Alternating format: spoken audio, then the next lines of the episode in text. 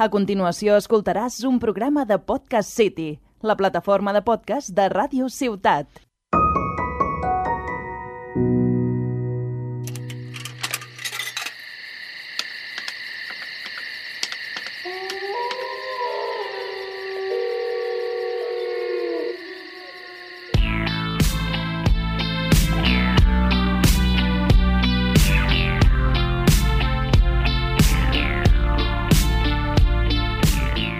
Bon dia, bona tarda, bona nit. Ja som aquí una setmana més i en aquesta ocasió una quincena més. Ja eh, ho hem decidit, bueno, ho he decidit jo, que sóc el productor i director d'aquest podcast, eh, que ja ho farem cada 15 dies, perquè jo crec que és millor, ho preparem una mica més, surten més notícies, perquè és veritat que les primeres setmanes vam provar moltíssima cosa i ara no hi ha tanta, a part mm, no tinc massa temps per preparar-me aquest podcast i, i jo crec que així queda millor.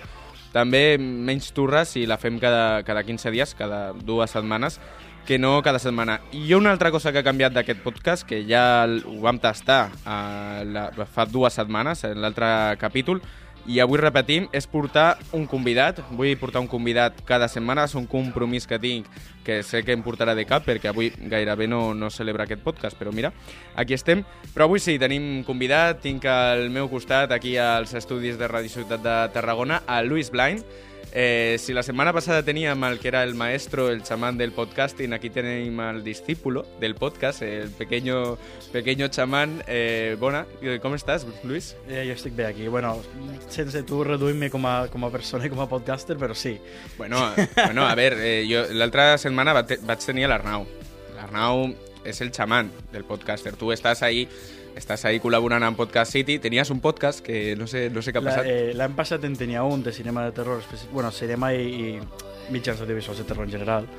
Eh, aquest any sí que he fet un altre, però potser per això no ho has vist, perquè el meu, sincerament, és, si el teu és improvisat, el, per, eh, aquest d'avui és gairebé totalment improvisat, el meu és patèticament improvisat. No? Diu, dius aquest d'avui com si m'hagués preparat algun podcast des de que vaig començar això. Eh, no m'he preparat ningú, però... I de què? No sabia que tenies un podcast en guany. Això és en pilla, en pilla de noves. No, no, sí. L'any passat tenia aquest que es deia Hablamos de terror, perquè, bueno, perquè vaig decidir començar a fer podcasting i dic, bueno, mira, provem a fer alguna cosa que m'agrada, el cinema de terror, que és una cosa que a mi eh, m'encantava completament. Eh, no miro pel·lis si no són de terror o són de Marvel perquè, bueno, perquè també consumeixo merda. Uh -huh. eh, bueno, merda, tio. S'han de tenir plaers culpables i no tan culpables, que les pel·lis de Marvel estan molt bé. Bueno, dit això... No, no, no t'has de fer el pedante. Aquí, aquí no, no, no venim a parlar de, de Tarkovsky en aquest podcast. No, tampoc és bueno. Eh, sí, però parlant de plaers culpables, el, el nou podcast que tinc aquest any es diu Incògnites, uh -huh. també aquí a Radio Ciutat. Um, parlem de de tot, de tot una mica. O sigui, ens fem una pregunta i tractem de respondre-la, però preguntes absurd, però tractar de respondre aquesta pregunta de forma absurda, bestialment absurda. L'últim capítol que es va publicar, com no teníem tema, vaig decidir, doncs mira, plantejaré una sèrie de situacions incòmodes i els meus eh, interlocutors, que són, ara mateix són quatre persones que fem el podcast, eh, tracten de respondre de la millor manera que poden. Llavors, eren qüestions molt, molt, molt, fei, molt lletges, com per exemple, ets, te plantejo la situació, a veure com la pots respondre tu. Vale. Aquí, tu... aquí estic fent el teu podcast al meu podcast, no? Sí, vale, sí. bé, sí. bé, bé. Ja, que, ja, que, ja que em fas vindre aquí, ja, ja et faig promo jo. Uh, a tu t'agrada fer reportatges, vale? A tu t'agrada eh, exposar coses, en busca... Bueno, t'agrada també el terror, t'agrada Sí. també la... tot. Eh, ara imagina que tu fas un programa en què tractes de buscar críptids, com la gent que, que se'n va a buscar a, peu, a, Que, a que, Bigfoot. que, que trato de buscar aquí, que no té... Críptid, críptids, críptidos. Ah, vale, sí. Vale? Eh, Pie Grande, el Hombre Polilla, coses com aquestes. Uh -huh. Llavors, li vaig plantejar una situació a aquest company i era eh, trobes prova definitiva de que Bigfoot existeix. Vale. I, va, I vas allí, vas a buscar-lo, i trobes prova definitiva en format d'una gravació en 4K on captures a Bigfoot. Però al mateix temps, al, ma al mateix vídeo, surts tu cagant de fons. Vale, sí. Publiques aquest vídeo o no el publiques? situació extrema, no? Sí, Home, aqu jo- aquest vídeo el veurà Jo aquí, milions i milions de jo aquí persones. m'acolleixo al, al rigor periodístic, no? I, a, i, el que, i el que jo què sé, és, és l'objectiu de la teva cerca és trobar Bigfoot i jo si heu vist el programa de golfes sortir cagant al bosc no és algo que ara mateix m'incomodi massa He així vist- que vist publicaria, publicaria el vídeo o sigui, publicaria el vídeo. Sí, bueno, eren situacions així que plantejava i tractaven de respondre o o evadir de la forma que poguessin. Però cada, cada situació era més extravagant que, la- que la d'abans. Bueno, pues promoció que, que m'han colat aquí, al meu podcast. Eh, ja sabeu, teniu un nou format que jo agraeixo que hagis escollit, perquè així ja no som dos que parlem de cinema, perquè evidentment aquest és el millor podcast de cinema i audiovisual que hi ha en aquesta ràdio. Eh... No segueix, que al sortir d'aquest estudi et No, una és broma, tio. Si, si hablemos de terror no ha funcionat, és per algo. I tant de bo que en aquesta nova aventura et vagi molt millor. Eh, només vull fer-te una pregunta abans d'anar a la secció de notícies. Vas fumat? No. Vale. és que vas dir, vas dir en alguna ocasió que eh, faries un podcast fumat i dic, m'agradaria que, fer, no que ho fes vaig el dir, vaig fer aquesta amenaça eh, a, a, la, a, la, a la tan coneguda i tan A estimada la cap de Marina. redacció. Sí, sí, a la propietària intel·lectual del nom de Champaña Crispetes. Bueno, i aquí ja tirant pollites. Jo no sé per què convido a gent a aquest podcast, però vale, sí. Propietari intel·lectual, però com de moment no ha vingut a aquest podcast, no ho pot reclamar. Sí, sí, a Marina, això és una invitació formal. Um, doncs sí, Mm, no, no, no vaig, no vaig Sí, fumar. sí, no, si m'ho vale. haguessis Vale, demanat, ja està, era- era si m'ho haguessis demanat encara m'ho hagués pensat, però no. No, no, pre no vaig pregunta curta, ja està, ja l'hem resolt i amb això anem a la secció de notícies.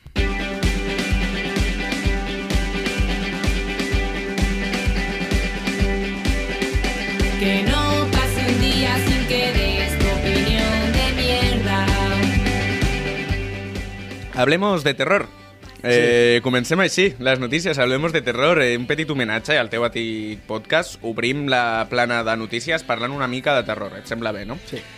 Eh, The Northman, la nova pel·lícula de Robert Eggers, director de La Bruja i director de El Faro, sortirà el 22 d'abril de 2022 amb un càsting que, que he flipat i me l'he apuntat perquè és increïble la de penya que hi ha en aquesta pel·li. Eh, Alexander Skarsgård, tenim a Anya Taylor-Joy, tenim a Nicole Kidman, tenim a Willem Dafoe, Ethan Howe, Claes Bang, Ralph Nelson, no, Ralph Ineson, aquest no sé qui és però l'ha apuntat també, Katie Dickey i York. O sigui, aquest tio ha contractat a tothom per fer una pel·li que sembla que serà el mateix rotllo de sempre. Un, eh, té un rotllo passat, però crec que ara és eh, com més època victoriana, una mica així, Anglaterra antiga. No, Anglaterra no, perdó. És també com com pel nord, eh, no sé si dir-te Islàndia, i l'estic colant una mica, aquest rotllo. No sé si t'agraden les pel·lis de Robert bueno, Eggers. No, sí, bueno. Eh, la Bruja i El Faro van estar bastant bé. El problema és la quantitat de... Sim... Bueno, acostumo a mirar-les sempre en anglès. No Sí. m'agrada mirar-les en castellà. El problema que en, aquest, en aquestes pel·lícules és que tracten de, re, de retratar aquesta època eh, on, situa, on se situa la pel·li tan bo que fins i tot el llenguatge també limiten. Sí, bueno, aquesta és una de les gràcies no? que, que té, sobretot al, al Faro. Jo, que- bueno, és que La Bruja, me'n recordo que la vaig veure en el seu moment i no sé si la vaig veure en anglès. El Faro segur que sí. I el Faro jo crec que la gràcia que té és, és com parlen i com està Willem Dafoe i com està Robert Pattinson ahí, aquest llenguatge Sí. britànic, antic, supermariner, que bueno, sembla una mica com irlandès fins i tot. Sí, sí, però bueno, és, és aquest tipus... Si no entens tu de... Clar, una persona de, que vive aquí a Catalunya que no porta molt bé l'anglès, la mirada en anglès no, no, és que no s'enterarà. Sí. No s'enterarà, eh, has de tenir una mica del, aquest coneixement de com són els diferents accents, de com parlava la gent en altres moments. I potser aquí, en castellà o en català, tu pots imaginar com parlaven, perquè, per exemple, tots hem llegit Tirant lo blanc i ja sabem Mm. que et posen a llegir-lo en català antic i, i, i no, no, no entens una merda. Doncs el mateix passa amb la gent que mirava aquesta pel·li en anglès i no entenia que això era anglès del d'abans. Però, clar, per introduir-te a aquesta època era bastant necessària, perquè per, eh, per a, que, per a situar-te per la, aquesta... No sé quina és la paraula. La, Sí, introduir-te. Sí, sí introduir. submergir-te. És... Jo, o sigui, entenc el que vols dir i, i potser jo crec que és més difícil pels angloparlants, no? Perquè, clar, jo sí que és veritat que me la vaig mirar amb, amb subtítols en castellà aquesta pel·li perquè si no, oblida't. I, I amb aquests tipus de productes el que passa és que em, em fa gràcia i em xoca veure un anglès molt més diferent al que trobem a les grans produccions. Em va passar amb la sèrie aquesta de Girls, que no sé si l'has vist a Netflix, Mm, em sembla que és no. una sitcom de... són- Bueno, són unes adolescents que estan a la, Irla... la Irlanda del Nord durant tot el temps de l'IRA, l'ocupació de l'IRA i tal, i el terrorisme. I és una sèrie molt divertida, que recomano també, però el més graciós és com parlen, perquè parlen un... Bueno, Derry és un dels pobles d'allà, d'Irlanda del Nord, i parlen un irlandès com molt tancat, molt de poble, i és molt divertit, sense entendre molt bé moltes de les coses que diuen. També l'irlandès té gràcia, perquè eh, s'assembla més com parlem nosaltres l'anglès, vull dir, és com un anglès mal parlat, podríem dir, i a mi em feia molta gràcia aquesta sèrie per això, i amb les pel·lis de Robert Eggers, amb El Faro, em va passar el mateix. em feia molta gràcia trobar com expressions de l'anglès que no havies vist mai a cap pel·lícula o a cap sèrie, perquè a més és aquest és un accent molt únic, no? Un accent mariner de, la, de Gran Bretanya d'un moment determinat. Sí, són pel·lícules, bueno, aquestes dues són pel·lícules bastant barroques, de, de, bueno, utilitzo aquesta paraula, però són bastant decorades, són bastant plenes Sí. de coses eh, que de primera has de mirar la pel·lícula com quatre vegades per pillar, acabar de pillar-ho tot. I, ahí, I una vegada ho fas, entens perfectament el que et vol dir la pel·li. Abans no, perquè, per exemple, al final de la pel·li de la bruja Mhm. eh, és molt complicat de primeres dir, hòstia, fa mal rotllo, però no entenc Aquí Què sense, està passant? sense spoilers, no? O, o amb Sí, spoilers. no, no. Bueno, però sí, és veritat. Sí, el final... Bueno, la pel·li porta molt de temps, si encara no l'has vist. Sí, ja, també és veritat. també és, veritat. és un final d'aquests oberts, no? I també malinterpretats a vegades com a alliberació o alguna història així, no? Que passa també amb Midsommar, eh, amb aquestes Final Girls, no? Hi ha com, com un paral·lelisme allà. No sé, a mi és un tio que m'agrada molt eh, fins i tot no entendre totes les seves referències i tots els seus missatges. O sigui, jo crec que una cosa que m'agrada de Robert Eggers que és que el pots gaudir també si no entens del tot el que està passant. O sigui, a mi, el primer cop que Sí, vaig no. veure... Crec que la bruja potser és una mica més fàcil eh, en quant a referències i el faro és molt més complicat. El Faro és molt, molt, molt carregada en termes de, de, mito de mitologia. De mitologia, clar, és que si... Eh, I aquí, és que aquí s'ha de fer l'espoiler perquè si no, no. Però Sí. l'escena final de- d'aquesta pel·li del personatge, ja no me'n recordo ni els noms dels personatges, eh, del que Crec que no tenen ni nom, els personatges. Sí, el... Bueno, l'actor... com Bueno, l'actor és? Willem Dafoe, El, No, el- Willem Dafoe no, l'altre. El Robert Pattinson. El Robert Pattinson, aquesta escena final d'ell amb, amb les... Hòstia, com es diu el, pa- el, l'àvia aquesta? No? La gavina. Sí, la gavina, amb les gavines menjant-li Sí. els òrgans, és una referència directa a un personatge mitològic. No me'n quin era? Sí, ah, Prome... jo- a, a, a, trobo que era Prometeu. Era no grec, sí. Jo me'n recordo que ho vaig llegir això i ho vaig llegir després i dic, hòstia, té molt sentit. Però a mi una cosa que em va agradar de la pel·lícula és que la vaig gaudir moltíssim sense entendre totes aquestes referències rares que et fica, no? O sigui, vull dir, a mi és una pel·li que per mi tracta de moltes més coses si no entens aquesta referència directa a un mite grec, que, que és veritat que enllaça tota la narrativa de la pel·lícula, però també t'està parlant de, mm, bueno, de, de, del que parlen moltes pel·lis de terror, de, de la masculinitat, del, de, de la soledat, d'enfrontar-te als, als teus mals. La breu, la breu suggerència també d'homosexualitat i com els personatges Sí. la condemnen i, Sí, sí. i diuen no pot ser això, que Sí, han sí, com el, com el desig, no? Crec que és una pel·li que també parla molt del desig. O sigui, a veure, Sí. és una pel·li en la que els dos protagonistes estan bevent i s'estan masturbant contínuament, o sigui, és, un- és un continu en la pel·lícula. Jo crec que parla també molt sobre el, sobre el desig i la repressió del desig per aquesta tensió sexual que sembla que hi ha. Llavors, és això, em semblen pel·lis, eh, i sobretot el Faro parlo, amb tantes capes que se't poden escapar referències i, i les gaudeixes igual. I jo crec que això és que ho has fet bé. Perquè jo crec que basar una peli en una referència, o sigui, una referència, pues això, mitològica, bíblica, és una cagada. O sigui, tu has de fer que la peli superi aquesta referència i que la gent que no tingui aquesta referència la pugui gaudir també. Sí crec que el, no, és, no és el fet de treballar la pel·li en base a la referència, però treballar la, la, la referència en base a la metàfora que et vol dir la pel·li. Sí, que la pel·li està plena de metàfores per tot arreu. Mhm. Eh, però jo dubto que ell s'hagi imagin... hagi vist aquest quadre de Prometeu, aquesta, aquesta idea mitològica, i digui jo vaig a fer una pel·li d'això, i passar d'aquesta mitologia grega a un faro a, a prendre per sac amb dos personatges i la quantitat de referències i del resta de... És que no les puc contar totes perquè, clar, però que et dic una cosa, i és que si mires aquesta pel·li i te- i t'enfoques en un únic aspecte, és una pel·li totalment diferent cada vegada que la mires. Si et Mhm. foques en un aspecte diferent cada vegada que mires la pel·li, canvia completament el, el que entens al final. Eh, per això penso que la quantitat de metàfores que introdueix aquest home, totes són diferents, però totes, aquesta escena final, pots, pots interpretar-les totes de la mateixa... mm, Pots, pot, et serveix per interpretar totes, per entendre-les totes. Sí. Sí, sí, jo estic d'acord i estic pensant tot el rato en que hi ha un paral·lelisme en, en fer les coses bé i fer aquestes referències bé amb la pel·li de Mother, de Aronofsky. Per mi és un altre exemple de fer les coses bé. Perquè jo, amb aquesta pel·li em va passar que quan l'estava mirant ja vaig començar a pillar moltes coses, després en, en el segon visionat és com que ho, ho files tot, però jo al principi ja deia, ui, això mm, potser t'està anant per aquí. Però què passa? Que la peli jo la vaig mirar amb la meva companya de pis, que no va entendre cap de les referències bíbliques que hi ha a la peli, i li va encantar també, perquè és una peli amb moltes capes, com tu dius. I segurament Aronofsky va dir, hòstia, vaig explicar aquesta història, aquí no faig spoilers, que la gent es miri Mother, que és molt guai, i mira que té més temps que el Faro. Però vaig a fer aquesta història amb un altre tipus de metàfora, en aquest cas la metàfora sí que la podem explicar, que és un, un home que és un escriptor i la seva dona que estan en una casa aïllats de tothom, i amb aquesta història també estan aïllats, mira, aquí jo crec que hi ha molt paral·lelisme en aquestes pel·lis, eh, amb aquesta història construeixo, però que el, el producte final estigui per sobre de, de tota aquesta referència i tota aquesta història que he volgut explicar i que la pugui gaudir algú que no ha entès aquesta referència. Jo crec que això és fer-ho bé. I jo crec que el Faro, en aquest sentit, ho fa bé Clar, també és tema de i la... amb la referència guanya. també és tema de la composició de la pel·lícula, perquè encara que no vulguis entendre, clar, és el que et dic, si t'enfoques en un aspecte i l'efecte és com està feta la pel·li. No vull entendre res del que està passant, jo només vull veure la pel·li com és. Hi ha moltes escenes al Faro que són bastant pertorbadores o que dius, hòstia, què estic mirant? Per dir alguna Les escenes d'ells masturbant-se, d'elles de, de sobte que es cauen malament i de sobte estan borratxos, de el tio mirant la llum del faro i quedant-se totalment hipnotitzat, i com l'altre, quan per fin arriba a pujar al faro i veure la llum, diu que al final no, no hi ha res. Clar. Eh, si t'enfoques només en com està feta la pel·li, la composició, les escenes i la resta, si tu la mires per ser una pel·li de terror, que gairebé terror és més aviat suspens, Sí, bueno, és aquest eh, nou terror, no? és que, el debat. Sí. Bueno, la diferència, en, en anglès fan aquesta diferenciació, en castellà no sé si la fan. Elevated és- horror, no? No, la diferenciació entre terror i horror. Sí.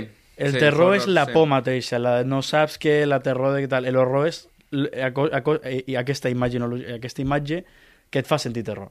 El horror és les pel·lis gore. El, te, el terror és mm, pel·lícules com... Bueno, aquesta com el Faro, és bastant de terror perquè no entens què està passant veritablement. Et fa por, però tu dius, és que en ver- veritablement a la imatge jo no estic mirant res. Jo estic mirant un tio que està mirant una llum i s'està quedant amb una cara Sí, és més, que no més nom. aquest mal rotllo que no la por. És mal rotllo de, mm, del que està passant, d'escenes molt incòmodes, com tu dius, la incomoditat que hi ha entre els dos personatges.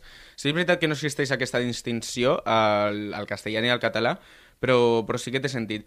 Anem, a, anem canviant de pel·lícula. Eh, també han anunciat, eh, i això ja porta, crec que va ser la setmana passada, o, o porta més cua, que Paulo Sorrentino torna també al cinema per dir-lo d'alguna manera al cinema, perquè és a Netflix, i és aquest 15 de desembre. Paulo Sorrentino és director de La Gran Belleza, no sé si l'has vist. Mm, aquesta no sona. No. Pues mira, La Gran Belleza és una pel·li també que, que mola bastant i, i que jo la vaig veure tampoc fa massa. Només d'aquí volia destacar com que cada cop més directors, eh, directors indis que sembla que tenien certa reputació, perquè La Gran Belleza va ser la pel·li que va impulsar una mica, sobretot des de la crítica, no tant des de taquilla, a, a Paulo Sorrentino, Llavors ara, eh, la seva següent pel·lícula després, estrenada directament a Netflix. I jo crec que això cada cop està, està passant més. Eh, la pel·li es diu Hand of God, té molt bona pinta, totes les crítiques diuen que és com la millor pel·lícula de Sorrentino, això que diuen. Llavors, no sé, és una mica curiós que ja no... Jo crec que eh, el cine s'està quedant com per les grans produccions, no? Le, com dius, Marvel, Disney, totes aquestes són ja molta pasta i realment és molt rentable a taquilles, i aquestes pel·lis que són més de crítica, més de nítxol, que mm, arriben només a determinats públics, jo crec que acabaran a les plataformes, perquè cada cop és més comú que directors mm, reputats en crítica, no tant en taquilles, acabin a, a les plataformes. No sé si tens algun exemple al cap o alguna Mm, bueno, no, però sí que vaig a veure això que has dit, de que la qualitat de les pel·lis, encara, ara mira, anem a mirar les pel·lis, per allò que et dic, la composició mateixa de la pel·li, per assombrar-nos, dir, hòstia, que guai. Per exemple, eh, ara mateix trobo que la pel·li amb més recaudació en general va ser la de en- Endgame, no sé si Avatar la va tornar a superar, crec que sí. Eh, Jo crec que s'ha quedat amb el, amb el podio en game. Sí, sí, però, eh, clar, la diferenciació entre el temps que d'una pel·li a l'altra és molt gran.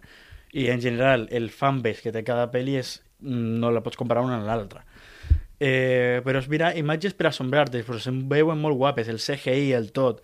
Eh, és una cosa que l'hor- bueno, el- l'horror va tindre fa molt de temps amb els efectes especials, com mires pel·lícules com la de The Thing, de John Carpenter, són pel·lis que al seu moment van petar, però perquè la imatge Clar. era molt bèstia. I més enllà de, del missatge que et vulgui donar, més enllà de les implicacions que té la peli, no, no, és que la imatge és molt forta. Bueno, aquí també vam tenir més recent la fornada de James Wan quan les pel·lis de, de horror eh, omplien les taquilles i no és dels meus directors preferits, però és veritat, James Wan era un tio que sempre es parla de, de l'horror i el terror com un, algo més de nítxol, més de tal, i, i aquest tio sempre ha omplert amb Expediente Warren, amb Insidious, amb totes aquestes pel·lis, eh, les anaven a veure en massa.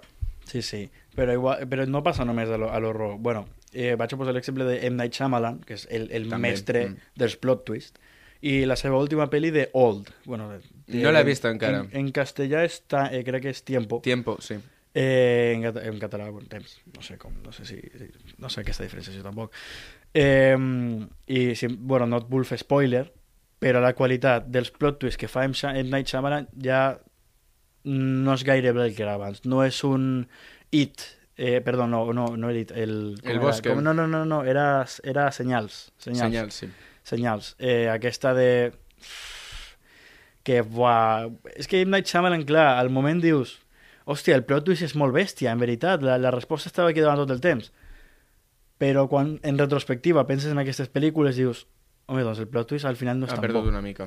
Sí, sí. En, això de que els aliens en, en senyals eh, Avui, avui és el dia dels spoilers. A veure, Senyals té molt temps, però avui és el dia dels spoilers. Jo normalment aquest podcast no faig spoilers. També parlem del sexto sentido. Aquesta sí que té caducitat. Aquestes, aquestes, si no saps tothom és tothom ha vist, sabeu? Al aquestes, final si no són, tots, són tots robots, al final del jo sexto vull, Jo vull sentido. dir una coseta abans de que continueu. A veure, Si una pel·lícula han passat més de 7 anys, no és spoiler. Si no l'has vist és perquè no has volgut. Punt. clar, però, per exemple, el Faro ja s'ha colat, perquè el Faro no té 7 anys encara. I Senyales, sí, Senyales sí que té 7 anys. No, Senyales té més de 7 anys. I me'n recordo que la mirava de petit i deia, hòstia, no sé si la, no, la guerra dels, bueno, la guerra de los motos també va ser una mica... Ja. Eh, però clar, és aquest, aquest fet, la qualitat de, de, de les pel·lis, dels finals, de la, de la... Per això m'assombra tant l'horror com el fan ara. De fet, ara que surti d'aquí anirà a mirar una nova pel·li de Guillermo del Toro que es diu Antlers, que porto esperant any i mig, eh, i que s'enfoca bastant en mitologia indígena dels Estats Units, en mitologia eh, del el Wendigo se suposa que és el, la, la criatura principal, és una pel·lícula de Creature Feature, basada en una història curta que es diu The Quiet Boy. No he llegit aquesta història curta. Sé que es basa en Millor. això, no l'he llegit perquè dic, si em fan un spoiler amb, aquest, amb, aquest, amb aquesta història, em suïcidaré. perquè a mi Guillermo del Toro, eh, Guillermo del Toro m'encanta. Eh? eh, Tinc- L'únic Funko que tinc és de de Guillermo, del Toro. Saps que a mi, o sigui, a mi m'agrada Guillermo del Toro, però a vegades no. O sigui, m'agrada a ratos. O sigui, no sé, té un rotllo que m'agrada molt, el rotllo aquest de la fantasia, és una cosa que m'agrada, però jo crec que a vegades, em, jo què sé, en pel·lícules com El laberinto del fauno, que, que em sembla una de les seves millors pel·lícules, però té aquest rotllo de mesclar la fantasia amb la realitat eh, que llavors a vegades no funciona bé ni el drama ni la fantasia, perquè la fantasia laberinto del fauno és molt guai, el drama és molt guai, però si ho penses són gairebé dues pel·lícules separades. Sí. I sí, existeix aquesta connexió, però no llueix bé la connexió. Llueix bé quan fa una cosa o l'altra. I a mi Guillermo el Toro, quan és superproducció, superfantasia Pacific Rim, em sembla una pel·li super ben feta. I és, és una pel·li molt d'encàrrec, però... Bueno, La primera. La primera. La, La, primera, segona és la que ni segona l'he és qüestionable en qualitat. La segona ni l'he vist. Però la primera és com... No, no, jo et donaré robots gegants barallant-se contra kaijus. I ho tens, tio, i això és el que vols veure. No vols veure una altra cosa. no I hi ha dona, implicacions, no hi ha metàfores transcendents. No, no, tu vens aquí a mirar, i encara me'n recordo, trobo que va, ser, va sortir el 2016, Sí. eh, anar al cine i mirar aquesta pel·li i dic, però que aquesta pel·li és l'hòstia, jo vull una seqüela. Sí, sí, sí. I que al moment te pintaven que no hi hauria una seqüela, perquè, clar, al final derrotaran els monstruos i tal, i, i, i s'acaba. Vale, perfecte, tot, han salvat el món. I dius, segona pel·li no hi pot haver-hi. D'algun joc s'han tret una segona pel·li que, de fet, trobo que Guillermo del Toro ni tan sols va, va prendre part. No me'n Potser, recordo. potser la producció, però crec que a la, a la direcció ni de conya. Jo Potser crec que producció. a la, produc- a la direcció ni de conya. I, i el final és molt... Van, és molt diferent de la primera. El final, Ja. el final sense, sense fer l'espoiler, clarament, te senta unes bases per una següent pel·li molt bèsties. No hi ha hagut següent pel·li. Clar. El que, el que sí que hi ha hagut, un anime. Han fet un anime Sí, el no fanservice en aquests productes fallits a vegades funciona, Sí, funciona millor. Que no ha estat malament. Jo l'he vi- l'he vist, ha sortit a Netflix, de fet. Es diu eh, Pacific, Pacific Rim de The Black, creo que se llama. I pre, pren lloc a Austràlia. I dius, hòstia, una ambientació una mica rara, però està bé. Però la sèrie se, se, se, se t'acaba fent curta. Se t'acaba fent curta i, com és típic a l'anime, eh, donen molt de temps als capítols per desenvolupar el personatge. I no pas per l'acció fins a cert punts puntuals en, en, en, en la sèrie. Però la sèrie té 7 o 8 capítols, trobo. Ah, no, no gaire. És Anem a canviar una mica de terç perquè eh, hem centrat ja el bloc de terror. Crec que hem descarregat una mica de, de terror i horror que no ha de ser temàtica aquest podcast. Podria sí. ser-ho, però també hi ha moltes coses i anem a canviar completament de terç perquè ja està confirmada la segona temporada d'Eufòria. things to your only lovers would do in the dark. It made you a god. Doncs sí, la segona temporada d'Eufòria surt aquest 9 de gener. Aquesta setmana ha sortit el tràiler. Ja portava per l'altre podcast que l'havien confirmat i al final no va sortir.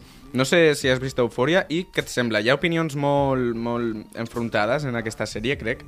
No l'he vist. No l'has no vist? l'he vist i dubto moltíssim que, la vegi, que, que, que algun moment la miraré. No perquè tingui una mala opinió, però és que diré, no, no, no, no, m'ha- no em treu l'atenció. Però conec molta gent... Tinc moltes amigues, i faig èmfasis, èmfasis en la paraula amigues, en femení, perquè no en tinc, un, no conec un sol tio o un xic el que, que l'hagi vist. Ja. I és una cosa que em treu molt l'atenció. De... Jo saps què passa? Crec que, mira, sé per on vas, perquè a mi tampoc és el... Jo quan vaig veure... O sigui, jo la vaig veure la primera temporada perquè van dir... Eso, les meves companyes de pitjor, hòstia, anem a mirar que diuen que està molt bé i tal, i jo... No és la típica sèrie que m'agradarà, però la mirem. I des del primer capítol vaig dir, hòsties...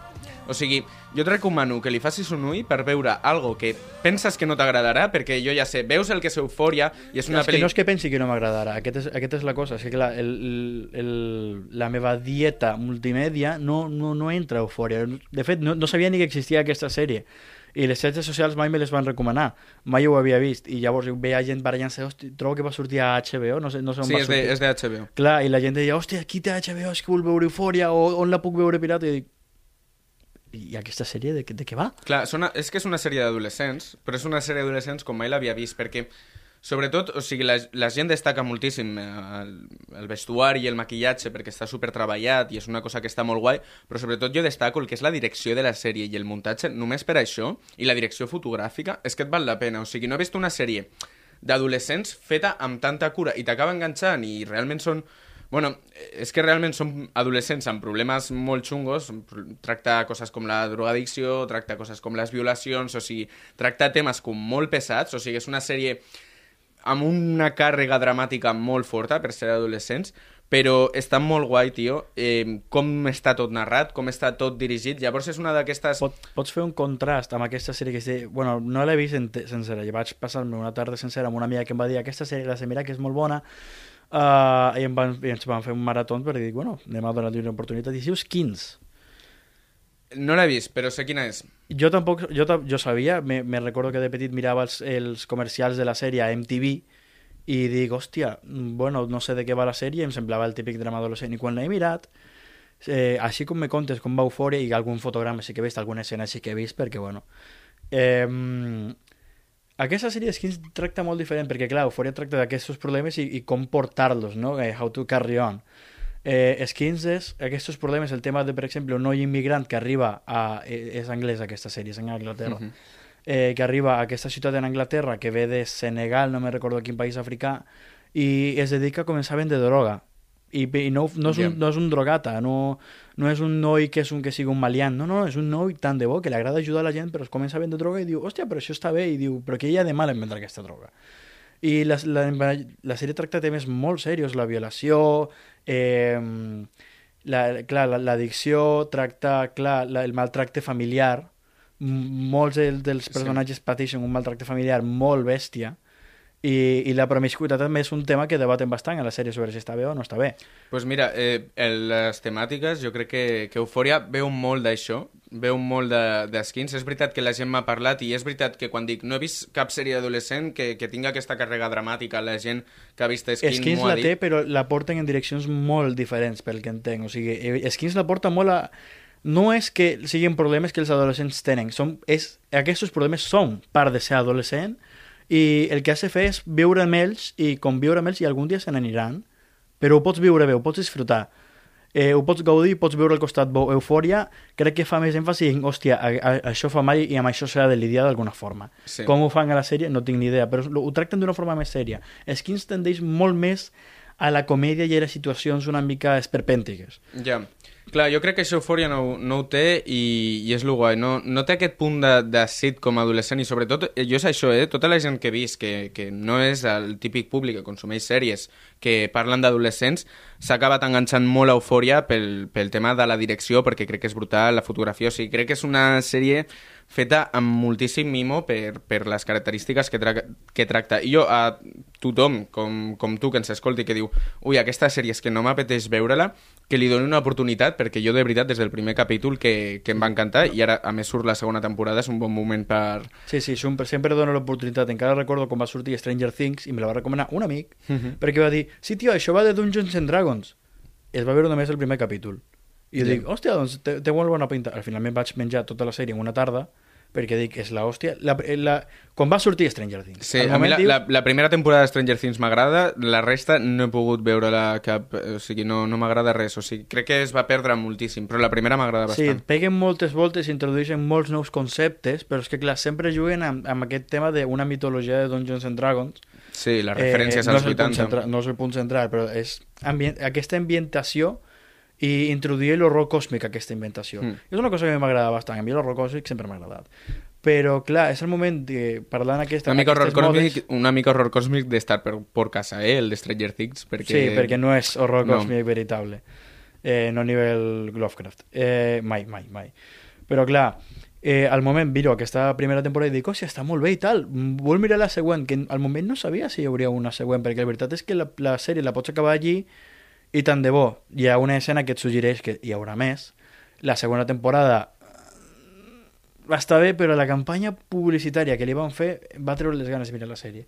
Ja. Perquè la gent no parava de parlar de Stranger Things. Sí, però més enllà d'això, jo no sé, no sé què em va passar amb aquesta sèrie, que ja no l'he tornat. I la tercera, o sigui, la segona no me la vaig acabar, i després la tercera, me'n recordo que van dir, no, no, aquesta sí que està guapa, i va ser com, uf, no, ni un capítol vaig aguantar. La tercera trobo que s'obliden de qui són els personatges. Sí, Trobo que s'obliden de qui són els personatges perquè, clar, se suposa que això, mm, la sèrie pren lloc eh, en anys consecutius. O sigui, la primera per un any les, xo- i els nois tenen, jo que sé, 12, 13 anys. El següent, bueno, doncs tenen 14.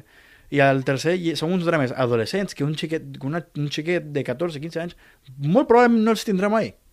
Eh, I clar, no sé com poden li dir això si cada temporada tarda, tindria un o dos anys en fer-se, que al final els, els actors semblaran Clar, sí. gent de 20 i pico anys, ja no pots dir que són Això s'ha dit, 15. és que ara ja en el, en el trailer de la nova temporada semblen més grans. Eh, anem avançant eh, cap a un bloc, que li he dit bloque friki, tinc aquí apuntat. Eh, T'he preguntat abans de vindre si t'agradava l'anime, eh, anem a parlar d'anime, anem a parlar de cinema asiàtic i va, anem a començar amb una cosa que, que ha enfadat a tothom, que jo crec que menys els americans potser, que és el remake de Train to Busan. S'ha confirmat que a més tindrà un nom que és que em sembla el nom ridícul, no sé si l'has vist això, Last Train to New York. O sigui, és, és una cutrada. Què li, què li passa als americans amb les pel·lícules que no són americanes o britàniques? Que les pel·lícules que no són en anglès no poden veure ni una pel·li. Train to Busan, per qui no l'hagi vist, és una pel·lícula de zombis coreana molt bona, perquè és una pel·li que passa pràcticament de forma íntegra en, en un tren, menys l'escena final És jo crec molt que claustrofòbica. Sí, és molt claustrofòbica perquè tens zombis a un tren i és una pel·li que està molt ben feta, jo crec que de les millors pel·lis d'aquest segle, d'aquesta dècada que, que hi ha del gènere de, de zombis. I ara els americans veient aquest èxit pues, han fet un, bueno, faran un remake amb actors americans i rodada en anglès. No sé què n'opines tu de tot plegat, m'imagino que, que Jo recordo és quan vaig mirar Train to Busan i jo acostumo bastant a... Bueno, tinc aquesta pàgina de pel·lícules pirata en què sempre miro pel·lícules que normalment a Netflix no sortiran, perquè per a que surti una pel·li que tu vols veure a Netflix has d'esperar molt de temps. O alguna novetat que al final no acabi sent molt popular i que et tregui les ganes de mirar-la. Eh, me vaig trobar Train to Busan i jo pensava que era una d'aquestes pel·lícules indie, que, que potser la, la qualitat de la pel·li era una porqueria, Eh, però a mi encara m'agrada, encara m'agrada mirar pel·lis com Sharknado, encara m'agrada pilar pel·lis com aquestes que passen al canal de Sci-Fi. Cutre, sí. Sí, supercutres, perquè al final són tan, aquest gènere de és tan dolent que és bo. Ja. Eh, és el que pensava quan anava a mirar Train to Busan. A més, me la va recomanar una amiga que consumia bastant de cinema coreà i dic, bueno, mira, anem a mirar, són, zombis, que és el pitjor que pots fer amb zombis. Clar, no, no Eh, pot sortir malament una pel·li de Sí, zombis, i vaig anar, no, vaig anar a buscar, no cobre amb aquesta pel·li, vaig anar a buscar pedres i vaig trobar-ne diamants. És que Sí, sí, és brutal. Eh, és brutal la pel·li. La seqüela que va sortir l'any passat, que es diu Península, No l'he vist, perquè, Eh, bueno, ha estat a Sitges i tal, i me'n recordo... Va ser l'any passat, no?, que va estar a Sitges. I me'n recordo que volia anar a veure, després va estar a cinemes, però és que les crítiques eren una mica així, vaig dir, bueno, ja la miraré en algun moment, però no l'he vist. no és la primera pel·li. Funci com la seva pròpia pel·li funciona bastant bé. De fet, el càsting de la pel·li d'abans, no, clar, no pots repetir el càsting. Clar. Eh, el càsting de la segona Eh, és que, clar, la primera era un, era un concepte, la pel·lícula, un nou concepte introduït als cinemes coreans. La segona ja era sensacionalista perquè ja tothom sabia qui era Tren to Busan.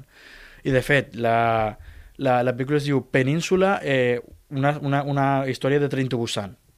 Ah, clar, o sigui, ja és com ens desvinculem, no som Train to Busan 2, No, no? som Tren to Busan, Clar, no, jo crec que és una pel·li... Bueno, té aquest problema, no? És una pel·li, com tu dius, és una pel·li conceptual, una pel·li molt forta, és, és, és aquestes pel·lis de What If, no?, que diuen What If, pues, una invasió zombi dins de- d'un tren, i funciona molt bé. Jo me'n recordo, era això que has dit, m- em va passar similar a tu, perquè també me la va recomanar un amic que és eh, del rotllo estraga tot, li agrada molt l'anime, li anava molt al gore, i jo dic, bueno, pues me la miro, saps?, perquè m'agrada el cinema de zombis, sense massa expectatives tampoc, i jo la veritat que Train to Busan és una pel·li que em flipa. Ara veurem les Train to New York, o sigui, és que no sé. Eh, tant de bo sigui una merda, perquè jo crec que en algun moment els americans han de, han d'obrir aquestes mires que, que no tenim, perquè és que ni, ni veuen pel·lícules amb doblatge ni veuen pel·lícules subtitulades. Aquest discurs que va fer Bon Joon-ho. Clar, però això és molt, és molt agridols, no? Perquè, clar, això ja va passar, sobretot en aquest gènere de zombis, ja va passar fa uns, un temps eh, amb, la, amb Rec. De fet, una pel·lícula Sí, sí, espanyola... existeix. Eh, els, els estadounidencs van agafar, i recordo veure una entrevista que em va fer mm, mm, la, bueno, la sang mm, em hervia, eh, la pel·li aquesta de Quarantine, que és, una, Quarantine, que és, un, és, una, és un rip-off horrible de, de Rec, eh, que és, té la mateixa seqüenciació, la mateixa història, el mateix de tot, i no me'n recordo com, quin era el director. Mira si la pel·li és tan poc memorable que no m'hi vull ni, ni recordar del director. És que és una pel·li d'encàrrec, o sigui, l'hauran dit... sí, a- i una de les entrevistes que van fer al director d'imatge de la pel·lícula va dir sí, que aquest és un concepte totalment nou i el tio no, sé, no, que no sabia d'on s'ho havia tret que la pel·li era molt bona i que era un concepte que mai s'havia vist i, i, la, i re... Sí, John Eric Dunn, bueno, que lo conocen en su casa a la hora de cenar, ¿no? Vale. sí. I, hi, ha- hi van haver dos pel·lis de Quarantine i, i les dues van ser... Una... Bueno, la segona sí que em va fer molta por però ja no era el mateix concepte de tenim una càmera i estem mirant per la jo sé, càmera. sé que existeixen, però no les he vist. És que intento no fer-li cas a aquestes pel·lis, perquè realment, tio, és, és Clar. una putada, perquè és una putada pels creadors, no? Ara, països com, com Corea, que, que fa molt bon cinema, sí que és veritat que Paràsitos va tenir el reconeixement dels Oscars i tal, però veiem que altres creacions que venen de Corea semblava que Paràsitos podria trencar amb aquest paradigma, però altres creacions eh, tenen aquest reboot. No sé, tio. Sí, no, però és el que dic, és molt agredolç, perquè, clar, per una part és una merda, perquè és una còpia barata, però al mateix temps és una bona forma d'introduir aquest concepte de la pel·li mateixa, no de la cultura de la que ve, a, a, la, a la gent que no consumeix aquest cine. Eh, Train to... Bu- Clar, Clar, a mi em sembla bé si els consumidors finals realment acabaran buscant el producte original, però jo crec que en molts casos, o sigui, jo crec que eh, aquí a Europa tenim la sensació de que això pot passar. A mi em va passar un cop que vaig veure, vaig descobrir Oldboy pel remake de Spike Lee i vaig dir, pues una pel·li que està bé, el remake de Spike Lee, però després vaig veure Oldboy l'original i, hòstia, vaig dir, quina pel·li més potent i que guai i quin concepte, no? És això que dius, la, la, el valor del concepte de l'originalitat es perd. I jo crec que aquí, des d'Europa, tenim la sensació de que potser aquests remakes americans poden fer arribar el producte original, però jo crec que a Amèrica no, no passa això. O sigui, que la gent es queda amb el producte americà i mai veurà el producte original, menys els més cafeteros que hi haurà quatre. clar, però també s'ha de tindre en compte que, per exemple, en aquest cinema asiàtic, les pel·lícules eh, són bastant arraigades en la cultura mateixa del, del país on venen. Els Estats Units són, pots, potser són molt més genèriques. Si tu ets Mm. aquí d'Europa, si ets de Latinoamèrica, que és on soc jo, pots entendre la pel·li perfectament i culturalment l'entens Sí, perquè és perfectament. com una cultura general. Però... Llámalo eh, imperialismo americano, no? Però, clar, les pel·lícules, sobretot les japoneses, me, amb, el, amb el tema de cinema de terror, de fet, a- al antic po- podcast volia parlar de, de, del terror japonès, però és que és molt complicat d'abordar perquè està molt lligat a la cultura i si tu no, no en saps de cultura japonesa potser al final la pel·li dius això és molt raro però és que té un sentit i, i, i aquí puc recomanar una pel·li que es diu Uzumaki que Uzumaki la, la paraula literalment vol dir espiral espiral o sí, molí Sí, Uzumaki sé que, sé que són els Uzumakis. Em sona una mica, però com de, Sí. de rotllo cultural, però no, no he vist la pel·li. Eh? Sí, sí, sí. Alguna vegada has menjat ramen, l'uzumaki és la, la, la cosa que està rodona Vale, que està sí. fet de cranc. Eh, Jesús Maki és en principi d'horror còsmic, però és una pel·li... És que és molt rara. Si la mires de primera, si no entens de què va i no entens de cultura japonesa, tu la mires i no, no, no entens de què està passant. La gent es comença a convertir en caragols, el, comencen a haver objectes espirals per tot arreu, però això té una simbologia molt forta, però que està només dins de la cultura japonesa, no com el faro, que podries... Hòstia, la pel·li l'entenc perquè jo en sé algo de mitologia grega i, hòstia, que bé que ho adapten aquí a una cosa d'uns irlandesos a un faro a prendre pel sac. No, no, aquí has de saber de cultura japonesa, has de saber d'aquesta mitologia i del, de com tracten el- l'espi- la espiritualitat, de les històries que poden tindre, el tema religiós, bla, bla, bla, bla, bla. Eh, per això dic que potser és bo que aquestes pel·lis s'adapten a un context estadounidenc, però al mateix temps s'ha de fer honor a, a, al contingut original, a l'origen d'aquesta idea, no? I per això és dir que espero el mateix que tu, que aquesta, aquest remake, aquest rip-off, porti que la gent busqui d'on va sortir això, d'on va sortir aquest, aquesta idea. Això seria lo guai, però no, jo crec que no passarà, aquest és el problema, però bueno, tant de bo sigui així. Uh, T'agafo el cable, eh, que estem parlant de cinema japonès i tenim poc temps per anar acabant. Eh, tenim nova pel·lícula, ningú ho esperava, un nou tornament de Hayao Miyazaki.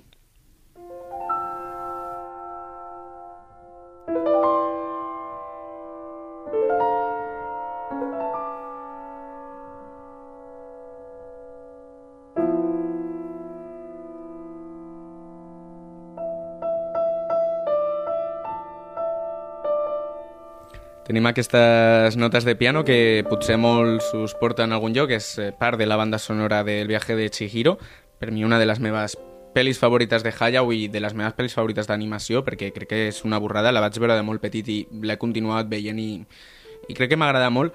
I no sé, em fa gràcia aquesta notícia de que Hayao Miyazaki, que va dir com fa no sé quants anys que ja retirava quan va deixar Estudios Ghibli, que no faria més pel·lis, i el tio pues, ha anat tornant. I ja va dir, eh, no, aquesta és l'última pel·li que faré. I ara sembla que fa una altra, que l'han descrit, l'únic que he vist, com una fantasia a gran escala. Bueno, totes les teves pel·lis, Hayao, són una fantasia a gran escala. Però bé, jo content de que torni, perquè m'agraden molt les seves pel·lícules. Les pel·lis d'Estudios Ghibli, en general, són com aquestes comfort movies, no?, que et mires mm, per passar un bon rato sense preocupacions, gaudir de la fantasia, gaudir del dibuix i gaudir de la música, perquè és que a mi, jo me, la música d'Estudios de, Ghibli me la posava per estudiar. Aquests pianos tan tranquils, no sé, em sembla com això, comfort movies per estar tranquil·let i, i que saps que no passarà res especialment xungo en aquestes pel·lis. No sé, no sé què n'opines tu d'Estudios Ghibli, de Hayao. Ghibli és un gegant cultural japonès i, i, i sembla que ho estigui llegint directament de la, Wikipedia, de la Wikipedia això que estic dient, però no eh, mm, no pots anar a cap lloc amb cert, amb cert lligament amb la cultura japonesa sense veure algo d'Estudios Ghibli sense veure algo del viaje de Chihiro per exemple no, no, no ho pots Sí, o o de Totoro És que són No. tan icònics. Sí, sí, no, no pots no trobar-te-ho. És, inevit és totalment inevitable. I és com aquestes pel·lis que fa li agraden a tothom. No és una Sí. peti, no és una pe... Tu la mires, el, el, cast, el castillo aquest de Wandering Castillo Castle, ambulante. la del Castillo Ambulante, la del viaje de Chihiro Totoro, tu, no són pel·lis que estan fetes per a gent gran, no són pel·lis que estan fetes per xiquets. Tu les, les pots mirar sent un adult, un ancià, un adolescent o un xiquet petit i, i, en, i en, tot, I en, troba, en, sí. en tots sentits gaudiràs. És aquesta universalitat que té la pel·li a Mira, nivell d'edats. i, i, i parlant d'això, jo crec que, que una cosa que, que fa molt bé Hayao i que fa molt bé Estudios Ghibli, això que parles de, de la cultura japonesa tan única i tal, pues jo crec que Estudios Ghibli, eh, Estudios Ghibli perdó, és com el gran exportador d'aquesta cultura, perquè hi ha elements fantàstics que són molt propis del folklore japonès en aquestes pel·lis i, hòstia, han arribat a tothom. I jo crec que tothom que miri aquestes pel·lis potser s'interessa una miqueta per què són aquests esperits que estan apareixent aquí o què són aquestes coses. I jo crec que ha donat a conèixer, com tu dius fetes amb aquest llenguatge universal tot i que tinguin elements molt folclòrics ha donat a conèixer aquest folklore japonès no? és eh, l'exemple contrari del que, del que estàvem parlant abans. Sí, sí, exemplifica... Bueno, no sé fins a quin punt, perquè clar, jo en conec, m'agrada l'anime, no, no tam tampoc soc un fan molt dedicat, molt underground, però sí que, sí que ho fan bé per traduir tota aquesta simbologia de cultura japonesa a les persones i la gent li agrada i encara ho reconeixen. Uh, aquí, mm, clar, jo no sóc originari d'aquí de, de Catalunya, on vivia jo abans no, no, no, no, sí, sí sabies el que era, però no es consumia tant. Quan vaig arribar aquí em va vindre molt de sobte que tothom coneixés tant uh, les pel·lícules d'Estudio Ghibli, perquè a mi m'agraden perquè mon germà gran sí que és fanàtic a morir i me, bueno, me les ensenyava de petit. Llavors també vaig créixer en elles. Però, clar, és que tu les mires i potser no ho entens tampoc, potser dius, hòstia, això que guai, el drac aquest, el drac aquest que no té, no té ales, sí. vola per si sol, el drac asiàtic, és molt diferent als wyvernos i els, i els draques de- d'aquí. De la cultura nòrdica, de la cultura europea. sí. Fins i tot els mateixos nòrdics també tenien tipus de dracs diferents. Els àrabs també tenien tipus de dracs diferents. I aquí a Espanya hi van, haver, hi van haver uns, una, una, població abans, abans dels romans que també tenien la seva, el seu concepte de dracs. Però aquests, a mi els, els asiàtics, perquè trobo que els xinesos també tenen algun pel semblant, Sí. sem, són increïbles. I les criatures que poden arribar a fer el, els dibuixos d'Estudio Ghibli, l'animació és una de les coses que em treu molt l'atenció una és, borrada. estan absurdament ben animades. Hi han ànimes d'ara, pel·lícules animades també japoneses d'ara, que no li poden veure el cul amb un telescopi a l'animació que té Estudio Ghibli per al seu moment, que ja porten Sí, és que és de, 40 és el viaje de anys. Chihiro, que és la més icònica, crec que és del 2001, o sigui, fa 20 anys, i és una pel·li que te la veus ara i no han veït, o sigui, és, és increïble. la pots mirar tant mateix ara i, i encara la gent dirà vol un remake i és que no pots fer un remake perquè ja la pel·li és no vol dir que és perfecta però ja, ja, ja és prou bé com pot arribar a Sí, sí, sí, sí. I, i clar és aquest, bueno, el tema ja cultural. No sé quin, quina càrrega cultural en, en té, pots entendre la pel·li igual. Ara igual dius, hòstia, això no ho entenc una mica i tal, però perquè clar, és una pel·lícula que originàriament no estava feta per publicar-se internacionalment, però és que al final ho pots fer. Segueix sent I és és una que- de les poques, això és, un, és una dada, el viaje de Chihiro és una de les poques pel·lícules d'animació que figura entre les... quan fan aquestes llistes de les 10 millors pel·lícules del segle XXI. El viaje de Chihiro molts cops es cola en aquestes pel·lis de crítica com a pel·li d'animació, que és un gènere que sempre està a part, no? No, no es considera cinema en moltes ocasions i jo crec que Ghibli ha fet un canvi de paradigma aquí. Així que jo per la meva part supercontent de que torni Hayao. És amb un altre estudi, si no m'equivoco, no és en Ghibli, perquè Ghibli mm, ell ja no, no, no té la, no sé com es diu, la propietat, però bueno, encantat.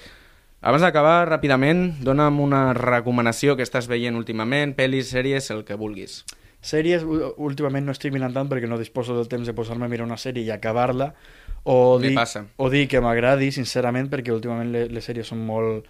Eh, són més un producte que una sèrie, Sí. cosa que no m'agrada, però, clar, el, mm, el que puc recomanar és la, bueno, la pel·li que miraré ara, que la, la, Sense la recomano veure-la, sense, sense veure-la recomanes, La recomano de- sense veure-la perquè el hype és molt bèstia i Molt perquè bé. Guillermo del Toro gairebé mai m'ha fallat i és aquesta pel·li d'Antlers si t'agrada el terror, perquè clar, no, no, no vinc de fer un podcast de terror per no recomanar una pel·li de terror Fas bé. No, no, Eh, no hay que fallar a tus principios. sí, i aquesta pel·li eh, sincerament és que clar i, i a més que no és una pel·li que algú s'ha tret i que és el seu estil, no, no, és una pel·li basada en una història curta, que quan surti de la pel·li lle- llegiré la història curta i diré, hòstia, doncs mira com ho han adaptat i ja podré decidir si han adaptat bé o si han fet una, una basòfia. Però que no ho dubto, perquè el cinema de terror d'ara, que sigui bo, són tot mm, sustos baratos. Els efectes especials són, és tot CGI, no hi ha cura, no hi ha dedicació. Eh, el, el terror està... i has de trobar poques gemes. Sí, podria recomanar també una plataforma de pel·lis de terror que es diu Shudder, però que, clar, no, és, no hi és aquí a Europa. Has de canviar una mica la, Canviar la el VPN i tal. Si algú Canviar sap d'això, doncs busqueu-ho. Si no, ja farem un podcast explicant com podeu canviar la vostra VPN. I jo eh, avui no tinc recomanació audiovisual i agafo el ganxo del que va fer el company Ar- Arnau Curto en el darrer capítol i vaig a recomanar una cançó i un disc. El que estem escoltant és Broken Cash Machine del grup Modern Baseball i del disc You Are Gonna Miss It All, que és un disc que recomano sencer. Uh, això és dins del gènere que li diuen Midwest Emo, que seria una mica el que recull el rock, punk rock americà. Llavors és un disc amb música molt adolescent, molt de garatge, i jo li disc aquest disc eh, el disc de com no deixar-ho amb la teva ex, perquè bàsicament tot el disc està parlant d'una relació que ja s'ha acabat i és una cançó, o sigui, totes les cançons són com diferents fases. Hi ha algunes amb molt de reprotxe, hi ha algunes que són molt tristes, hi ha algunes que diuen jo he tingut part de la culpa, però sobretot hi ha molt reprotxe, també ho diré. I totes tenen un to com bon rollero, o sigui, està parlant d'una ruptura, està parlant d'algo que li està sentant supermalament, però en el fons el que et diu la música és com eh, però estic per sobre d'això. Llavors és un disc que recomano molt d'escoltar i reivindicar també aquesta música més adolescent, mm, que no té una càrrega tampoc molt profunda, però és guai, perquè tots tenim aquests problemes i pots patir de- d'un de, desamor i aquesta, jo crec que aquest disc és perfecte per acompanyar-lo. I amb això ja acabem, també ens hem passat de temps avui, però bueno, Luis, moltíssimes gràcies per acompanyar-me en aquest podcast una mica de batalla. Moltíssimes gràcies per, per convidar-me i deixar-me fer una mica de publi per el hashtag incògnites. Por favor, escolteu també el meu podcast. Vale, podeu escoltar Incògnites, però sobretot escolteu aquest podcast. Eh, ja sé que ho escolteu molt i anem a, a per el número 1 de Radio Ciutat. Això és tot, ens veiem d'aquí a dues setmanes, xampany i crispetes. Has escoltat un programa de Podcast City, la plataforma de podcast de Ràdio Ciutat.